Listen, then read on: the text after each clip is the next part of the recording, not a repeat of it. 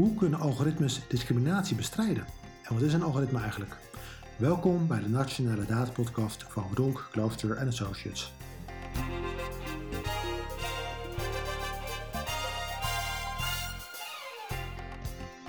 Welkom bij de Nationale Datapodcast, de podcast met inspirerende gasten en inzichten over het gebruik van data, algoritmes en artificiële intelligentie in de publieke sector. Mijn naam is Christian Vagen en mijn gast vandaag is Senai G. Breap, informaticus aan de Universiteit van Amsterdam en wetenschappelijk directeur van het Civic AI Lab. Welkom. Dankjewel. Heel fijn om u te gast te hebben. Um, u doet op dit moment onderzoek naar algoritme, uh, bias en de, uh, de, ethische aspecten ook rond algoritmes. Kunt u daar iets meer over vertellen? Jazeker. Um, waar wij onderzoek naar doen is eigenlijk ontwikkelen wij AI-technologieën um, die economische en sociale mensenrechten bevorderen. Uh, zoals het recht op uh, gezondheid, recht op onderwijs en werk. Met inachtneming van fundamentele mensenrechten zoals uh, non-discriminatie en gelijkheid. En specifiek richten wij ons op AI-technologie voor het aan de ene kant blootleggen van kansenongelijkheid in de maatschappij. Uh, en aan de andere kant het bevorderen van kansengelijkheid. Bijvoorbeeld in het onderwijs, in het welzijn, uh, in mobiliteit en uh, omgevingsfactoren. -hmm. we, hebben het de laatste tijd vaak over algoritmes, met name in het kader van de risico's en het feit dat algoritmes mogelijk ook kunnen leiden tot discriminatie. Ja, uw onderzoek ligt zich vooral op de misschien wat meer positieve aspecten, als ik het, als ik het zo mag zeggen. Uh, met name hoe kunnen we algoritmes inzetten, bijvoorbeeld juist om dus die uh, kansengelijkheid te bevorderen, om discriminatie tegen te gaan. Hoe kijkt u naar de rol van het algoritme in het huidige debat? Een rol van het algoritme in het huidige debat. Nou, er zijn een aantal zaken die, die mij opvallen in het huidige debat over data en algoritmes. In de eerste plaats dat het wiel steeds opnieuw wordt uitgevonden, of beter gezegd dat het probleem steeds opnieuw wordt ontdekt. Um, nou, de Algemene Rekenkamer is uh, kort geleden met een rapport gekomen. Dit is niet het eerste onderzoek. Er zijn heel veel onderzoeken geweest in de afgelopen jaren. En alle met min of meer dezelfde vraagstukken en ook wel min of meer dezelfde conclusies. zo heeft BZK eerder een onderzoek laten doen naar algoritme en mensenrechten. En het elke keer opnieuw uitvinden of ontdekken van het probleem geeft mij de indruk dat er weinig, nog weinig regie en coördinatie is uh, waar het gaat om algoritmes um, en de maatschappij. Uh, een tweede uh, ding wat mij opvalt is dat um, algoritmen worden geëxternaliseerd. daarmee bedoel ik het volgende: als algoritmen bijvoorbeeld ergens een discriminerende uitwerking hebben of een effect hebben, dan wordt discriminatie toegeëigend aan, aan aan algoritme, aan de technologie dus. En niet aan de context waarin algoritme of technologie wordt uh, ontwikkeld en toegepast. Uh, dat is de maatschappij. Uh, dit vind ik problematisch om twee redenen. ten eerste, het onderliggend maatschappelijk probleem wordt miskend. Dat wordt niet aangepakt, dat wordt onder tapijt geschoven. en de tweede, het doemdenken over algoritme wordt hiermee versterkt. en dit terwijl er dus ook inderdaad kansen liggen, ook maatschappelijke kansen, met, uh, met algoritmes.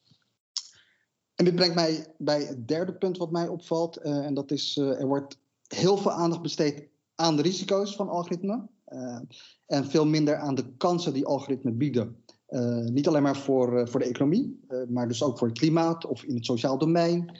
Um, problemen als discriminatie en ongelijkheid zelf kun je ook nog uh, blootleggen en aanpakken met algoritmes. En die, de, de, de nadruk op uh, ja, de, de negatieve aspecten van, uh, van algoritmen of de nadruk op het toepassen van algoritmes om burgers te controleren of burgers te surveilleren, um, dat, dat maakt het, dat ontneemt de kansen die AI ook biedt.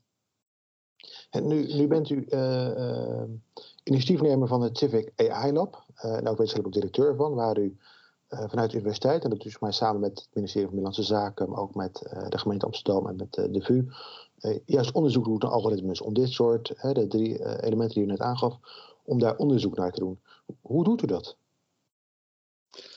Nou, we doen ehm, het de gemene deler is altijd hoe passen we AI-technologie toe om kansengelijkheid bloot te leggen, uh, te bevorderen en kansenongelijkheid bloot te, te, leggen.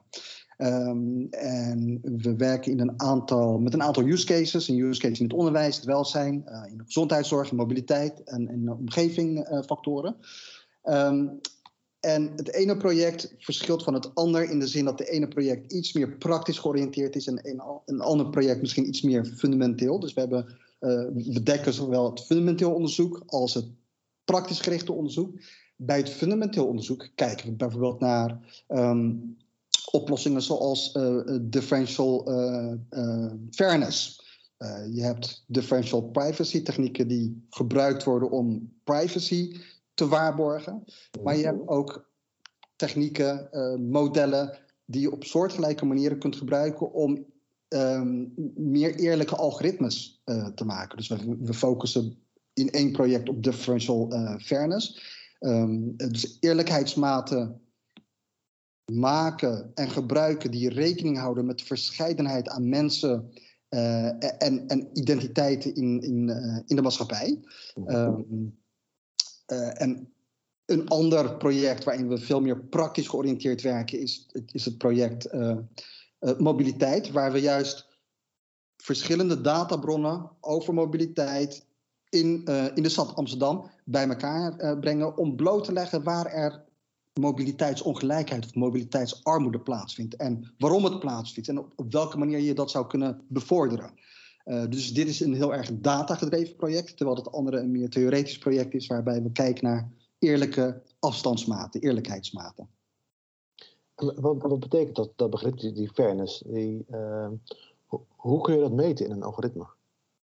Ja, kijk, wat, wat, wat we in dit specifieke project doen, is um, uh, gebruik maken van differential fairness. En differential fairness is gebaseerd op de intersectionaliteitstheorie uit de sociale wetenschappen. Uh, waarbij uitgegaan wordt dat mensen met verschillende um, achtergronden op verschillende manieren benadeeld kunnen worden in de maatschappij. Dus je kunt vrouw zijn, je kunt uh, zwart zijn, je kunt oud zijn. En in al deze dimensies kunnen er bepaalde ongelijkheden of ehm, ja, ongelijkheden ontstaan in de, in, in de representatie.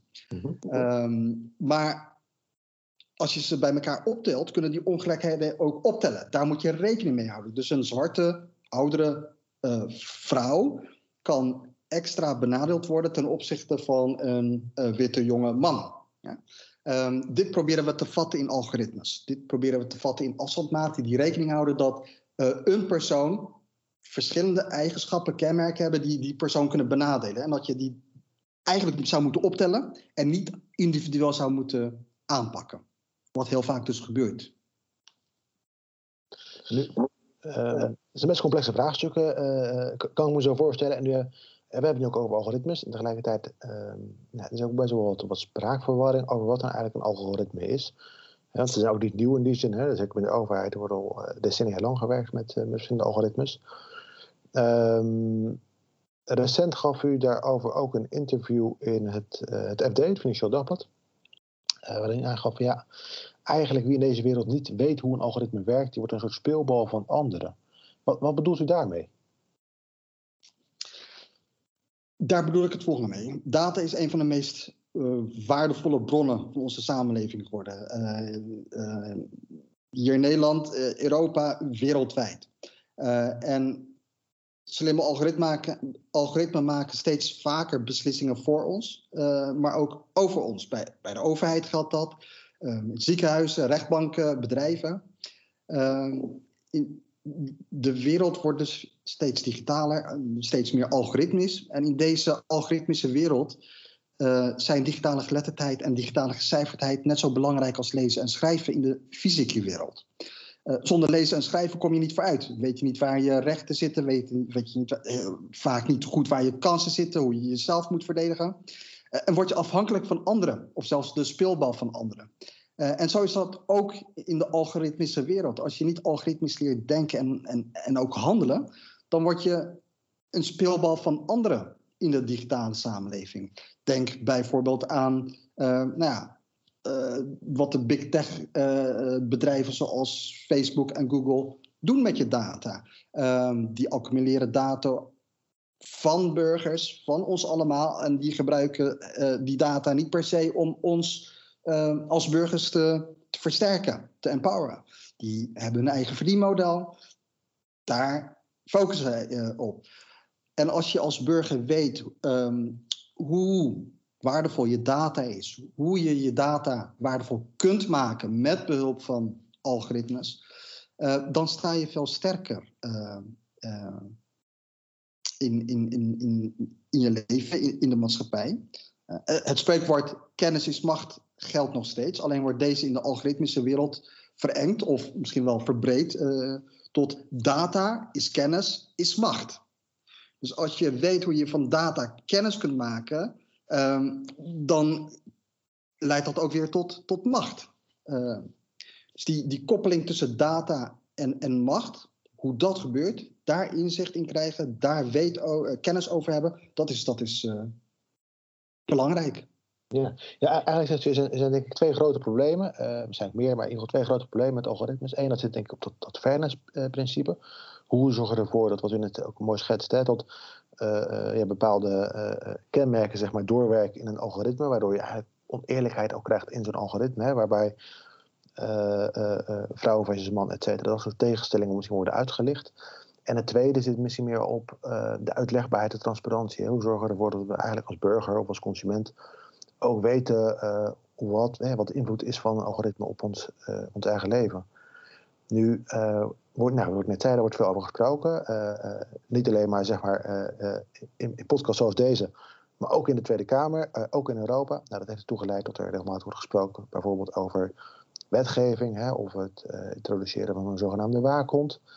nou, recent is ook de Europese Commissie gekomen met een, een voorstel voor wetgeving om, om algoritmes strenger te gaan reguleren en zelfs helemaal te gaan verbieden.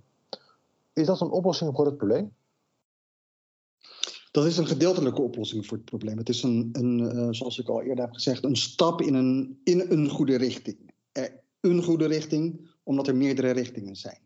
Um, ik zal het uitleggen. De EU uh, focust, net als ook Nederland en, en, en veel organisaties, op mensgerichte AI.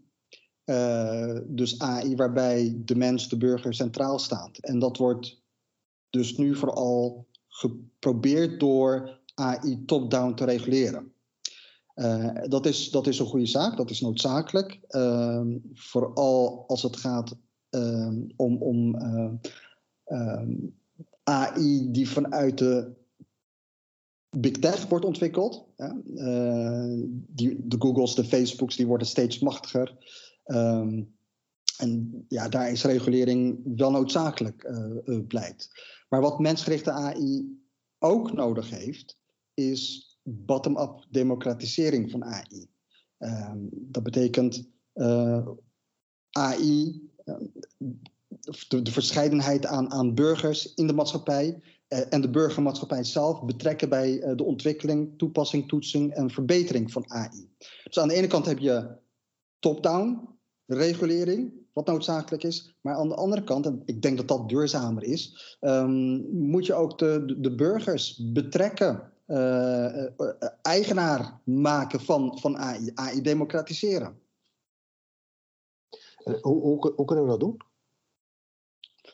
Um, nou, er zijn in mijn ervaring vier dimensies die nodig zijn, vier dimensies van verandering die nodig zijn om AI op een duurzame manier uh, te democratiseren.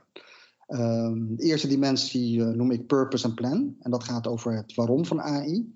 Eh, dat kun je en moet je expliciet maken. Is dit om de positie van burgers te versterken? Ja, dat, is, dat is een eerste cruciale vraag. Is het, is het om, om burgers te controleren? Dat zijn verschillende doelen, verschillende plannen met AI die um, een hele andere uitwerking kunnen hebben. Dus maak de purpose en het plan duidelijk. Waarom AI? Is het om de positie van burgers te versterken?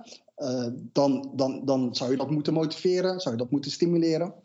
Um, is het om burgers te controleren, uh, te manipuleren, ja, dan moet je daar heel erg waakzaam uh, op zijn. Dan moet je daar veel meer focus leggen op regulering. Dat is één dimensie. Een tweede dimensie gaat over ehm, mensen, people and perspectives.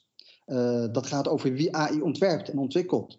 Ehm, dat moet wat mij betreft veel meer in teams van mensen met verschillende persoonlijke en professionele achtergronden, zodat je verschillende perspectieven kunt hebben en blinde vlekken kunt aanpakken. Er wordt heel vaak gezegd dat diversiteit en, en interdisciplinariteit belangrijk is, maar er wordt nog heel weinig werk van gemaakt. Te weinig in mijn ogen. Dimensie 3 gaat over de data, past en present. Um, welke data dient als basis voor de ontwikkeling van AI? Is die data representatief? Uh, niet alleen in, in ruimte, dus plaats, maar ook in tijd. Heel vaak wordt gewerkt met historische data. Historische data wat niet representatief is voor deze tijd, deze ruimte, deze locatie, deze plek uh, op aarde. Um, dus het rekening houden met, met de past, maar ook zeker met de present, is uh, uh, belangrijk. en de laatste dimensie gaat over processen en procedures. dat gaat dus kortom over hoe je AI vormgeeft. Is er transparantie? Is er coöperatie? En, en heel belangrijk is er co-creatie met burgers. En vooral het laatste is belangrijk omdat burgers in zekere zin het zelfreigenende uh, vermogen zijn van zelflerende AI-systemen.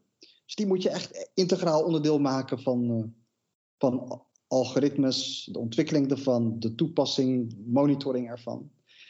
En uh, belangrijk is dat veranderingen in deze dimensies tegelijk gebeuren. En dat deze dimensies niet één voor één worden aangepakt. Um, dat, dat zet geen zoden aan de dijk. Je moet echt in al deze vier dimensies te werk gaan. Wil je AI duurzaam democratiseren? Ja, er zijn vier belangrijke dimensies rondom het gebruik van AI of het gebruik van algoritmes.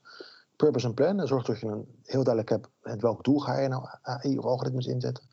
Uh, people and perspective, uh, zorgt dat je nou, dat, dat mensgericht ook daadwerkelijk erin, erin krijgt. Past and present als het gaat over het gebruik van data en proces en procedures als het gaat over ja, hoe ga je nou uiteindelijk AI of algoritmes ook uh, ontwikkelen. Um, en u zegt ook, ja, doe dat nou vooral ook in, in, in samenhang met elkaar. Op het moment dat we dit zouden doen, hè, dat doen we nu misschien nog onvoldoende. Um, wat zou AI ons kunnen opleveren? Um, ik uh, vergelijk het altijd met uh, het, het, het uh, meewind hebben en het tegenwind hebben. Mensen hebben in hun leven, sommige mensen hebben wind mee, sommige mensen hebben wind tegen. Ehm, en vaak, nou ja, als je wind mee hebt, dan, dan laat, je, laat je dat blijken, laat je dat zien en, en eigen je dat jezelf toe. dit heb ik gedaan, dit heb ik bereikt. maar vaak is niet duidelijk ook of je wind tegen hebt in, in je leven. En veel mensen in hun leven hebben wind tegen. Nou, een voorbeeld, toeslagenaffaire. Um, die mensen, veel ouders zijn daar echt uh, tegen gewerkt. Die hebben ontzettend veel tegenwind gehad. Dat is niet altijd zichtbaar geweest. Ehm, AI kan ook helpen om. Uh, met, met algoritmes kan je uh, deze tegenwind visualiseren? Kun je het kwantificeren? Kun je het uh, blootleggen? En daarmee dus ook een eerste stap maken naar deze tegenwind weghalen. En mensen juist meer meewind geven. Dus het is een beetje abstract, maar ik denk dat in AI, ehm, met algoritmes, met data, kansen liggen om mensen een, wind tegen weg te halen en wind mee te geven. Ja. Hoe, hoe, ziet, dat er bijvoorbeeld uit? U gaf net aan, u doet vanuit CVK Eilab onder andere onderzoek in Amsterdam naar mobiliteit. Hoe, ziet dat eruit, uh, wat u nu aangeeft? Hè? Hoe ziet dat eruit dat je daar ook dus de, wat u mooi aangeeft, hè, de, de wind mee en de tegenwind kunt gaan visualiseren? Nou, kijk, dat, dat er in, bijna grote, in bijna alle grote steden is er sprake van mobiliteitsarmoede, mobiliteitsongelijkheid. Bepaalde groepen in de samenleving ouderen, mensen met migratieachtergrond, vluchtelingen, um, die hebben uh, last van mobiliteitsarmoede. Die kunnen niet overal in de stad komen, niet op alle publieke plekken komen waar ze graag zouden willen, of niet makkelijk. waar dat aan ligt, is niet altijd duidelijk. En wanneer en waar het gebeurt, ook niet. Nu heeft een stad als Amsterdam allerlei data beschikbaar. OV-data, waar uh, burgers gebruik van maken.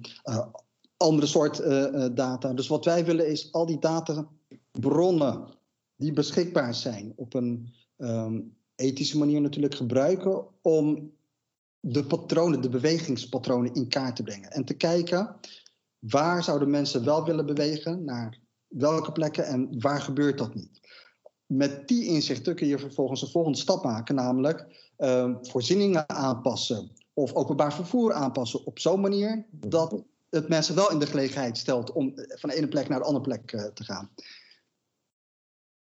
Ja, waarom, mooi, mooi voorbeeld. Waarom is het belangrijk? Een voorbeeld uh, in, in, in, de context van, uh, van COVID. mensen moeten gevaccineerd worden. Ehm, vaccinatieplekken worden heel erg technocratisch bepaald. Uh, er wordt weinig rekening gehouden met verschillende groepen die misschien niet zo mobiel zijn of niet makkelijk op bepaalde uh, vaccinatieplekken terecht kunnen komen. Nou, als, als je deze inzichten wel hebt, kun je vaccinatieplekken naar mensen laten komen in plaats van mensen naar vaccinatieplekken. Uh, daar heeft iedereen, denk ik, baat bij in deze tijd. Ja, ja en in, in, in aan de rand van de stad is heel handig als je een auto hebt. Maar als je geen auto hebt, dan wordt het heel moeilijk zeg maar, om daar naartoe te bewegen. Ja, onlangs, uh, voor twee weken geleden kwam NOS geloof ik met een bericht waarin stond dat de vaccinatiegraad in bepaalde socio-economische wijken mm -hmm. uh, stukken lager ligt dan, dan in andere wijken. Nou, of dat komt door mobiliteit is niet duidelijk, maar dat kan goed zijn. Deze inzichten zou je willen hebben, ja. zodat je ja, mensen beter kunt helpen. Ja, Toch? ja mooi. Mooi voorbeeld, hè? het laat denk ik ook wel eens inderdaad... Eh, er liggen kansen, we zijn er nog niet. Eh, tegelijkertijd, nou, ik zeg, er is gelukkig aandacht voor, dus het lijkt ook een soort momentum te zijn. Nou wordt er op dit moment ook heel hard gewerkt uh, elders in het land aan de formatie van een nieuwe regering. Wat zou je nog willen meegeven als input voor een mogelijk nieuw regeerakkoord op dit, uh, dit onderwerp? Nou, eerder dit jaar schreef ik een stuk voor het boek naar een nieuw kabinet van sociale rechtvaardigheid. Um, en hierin schrijf ik dat Nederland, net als eigenlijk veel andere landen in Europa, razendsnel um, complexe systeemveranderingen aan het ondergaan is. Um, met name op het vlak van globalisering en digitalisering. De samenleving wordt steeds diverser als gevolg van uh, uh, migratie. Uh, en steeds digitaler door de opkomst van onder andere AI en algoritmes. En ik denk dat de grootste uitdaging in de komende jaren zit op het snijvlak van globalisering en digitalisering. Dus op de snijvlak. Niet in de ene dimensie of alleen in de andere dimensie, op deze snijvlak. Um, hoe de diverse en digitale samenleving vorm te geven op een inclusieve en rechtvaardige manier, dat is denk ik de grootste uitdaging die, uh, die we de komende jaren hier uh, uh, moeten aanpakken, die het kabinet zou moeten aanpakken. En daarvoor is het belangrijk om, um, denk ik, een verbeelding te maken van de samenleving die we willen zijn. Uh, er is nu bij de overheid en onder burgers um, is er moeite om een verbeelding te maken van een toekomstige samenleving en van mogelijkheden van die samenleving. Uh, ik denk dat, dat het belangrijk wordt voor het kabinet om na te denken over de samenleving 2050, om dat concreter te maken. Um, waar het gaat om uh, technologie, waar het gaat om demografie. Um, en op basis daarvan uh, een visie te maken, burgers te betrekken hierbij uh, en AI in de breedste zin des woords te gebruiken om die visie uh, te proberen te realiseren. Dank, dat lijkt me een hele mooie oproep. Maak, maak een visie eigenlijk voor 2050 en laat daar ook zien hoe AI en de burger een plek daarin uh, moeten krijgen. Dank voor het verhaal en dank voor uw deelname aan deze podcast. Graag gedaan.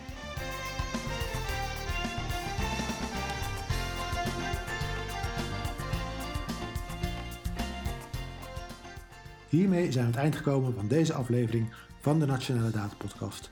Bedankt voor het luisteren. Abonneren of terugluisteren van alle afleveringen van de podcast kan via iTunes, Spotify of je favoriete podcast app. Tot een volgende keer.